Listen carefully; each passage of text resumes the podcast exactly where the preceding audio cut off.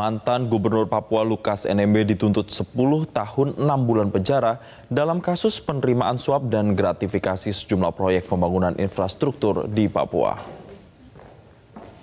Jaksa penuntut umum menyatakan Lukas NMB bersalah secara sah dan meyakinkan melakukan tindak pidana menerima suap dan gratifikasi. Menurut jaksa, Lukas terbukti menerima suap dan gratifikasi sebesar 46,8 miliar rupiah.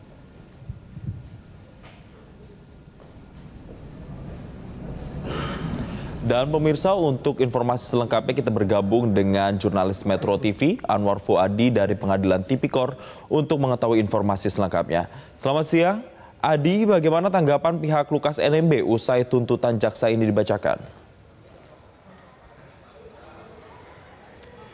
Ya Jason, memang untuk pembacaan tuntutan terhadap mantan Gubernur Papua Lukas NMB ini baru saja selesai tadi sekitar pukul 13.30 waktu Indonesia Barat setelah berlangsung kurang lebih dua setengah jam.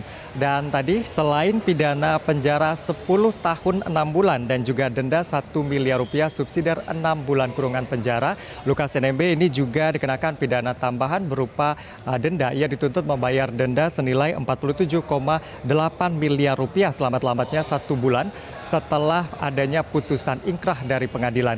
Lalu kemudian jika denda tersebut tidak bisa, jika pidana tambahan tersebut tidak bisa dibayarkan oleh Lukas NMB, maka hartanya nanti akan disita untuk pidana tambahan tersebut dan juga uh, apabila tidak cukup begitu, lalu nanti bisa diganti dengan uh, pidana penjara tiga tahun. Dan juga terkait dengan tuntutan yang dibacakan tadi oleh jaksa penuntut umum, pihak penasihat hukum dari Lukas NMB ini akan membacakan pledoinya nanti pada tanggal 21 September 2023. Tadi kami sempat uh, berbincang juga dengan penasihat hukum dari Lukas NMB yaitu OC Kaligis. Tadi OC Kaligis mengatakan bahwa ya tentunya membantah seluruh yang dituntut oleh jaksa penuntut umum dan nanti akan disampaikan tentunya dalam persidangan dengan agenda pledoi. Berikut adalah petikan wawancara dengan OC Kaligis. Semua saksi mengatakan tidak memberikan sop dan gratifikasi dan tidak mengurus katakanlah lelang. Itu di bawah sumpah. Tadi itu tuntutan yang dibacakan itu bacakan dakwaan. Bukan bukti yang terungkap di persidangan, barang bukti.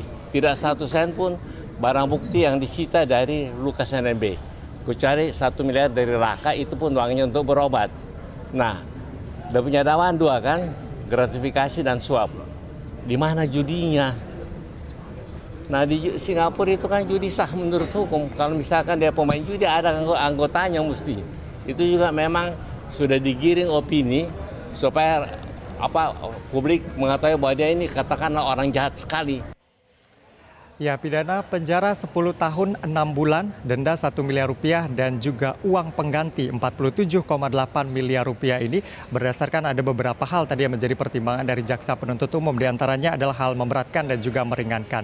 Hal yang memberatkan Lukas NMB tadi disampaikan adalah tidak mendukung upaya pemerintah dalam upaya pemberantasan korupsi. Lalu kemudian juga Lukas NMB dinilai berbelit-belit dalam menyampaikan keterangannya selama persidangan berlangsung. Dan juga terakhir tadi hal yang memberatkan adalah Lukas NMB NMB dinilai tidak sopan selama persidangan dan ini juga menjadi sorotan bahkan sejak awal pada saat JPU membacakan surat tuntutannya. Terkait dengan perilaku Lukas NMB tadi juga ditanggapi oleh penasihat hukum dikatakan bahwa uh, hal yang wajar begitu oleh OC Kaligis bahwa pada saat Lukas NMB dalam kondisi sakit lalu kemudian dicecar oleh pertanyaan pertanyaan jaksa penuntut umum padahal hal yang dituduhkan tersebut tidak benar. Sementara untuk hal-hal yang meringankan adalah ia belum pernah dihukum lalu kemudian memiliki tanggung jawab keluarga. Dan kita nantikan nanti pledoi dari Lukas NMB pada tanggal 21 September 2023 mendatang. Sementara demikian yang dapat kami laporkan dari Pengadilan Tipikor kembali ke studio. Naila. Terima kasih atas laporan langsung Anda, Anwar Fuadi dari Pengadilan Tipikor Jakarta. Selamat bertugas kembali. Jelajahi cara baru mendapatkan informasi. Download Metro TV Extend sekarang.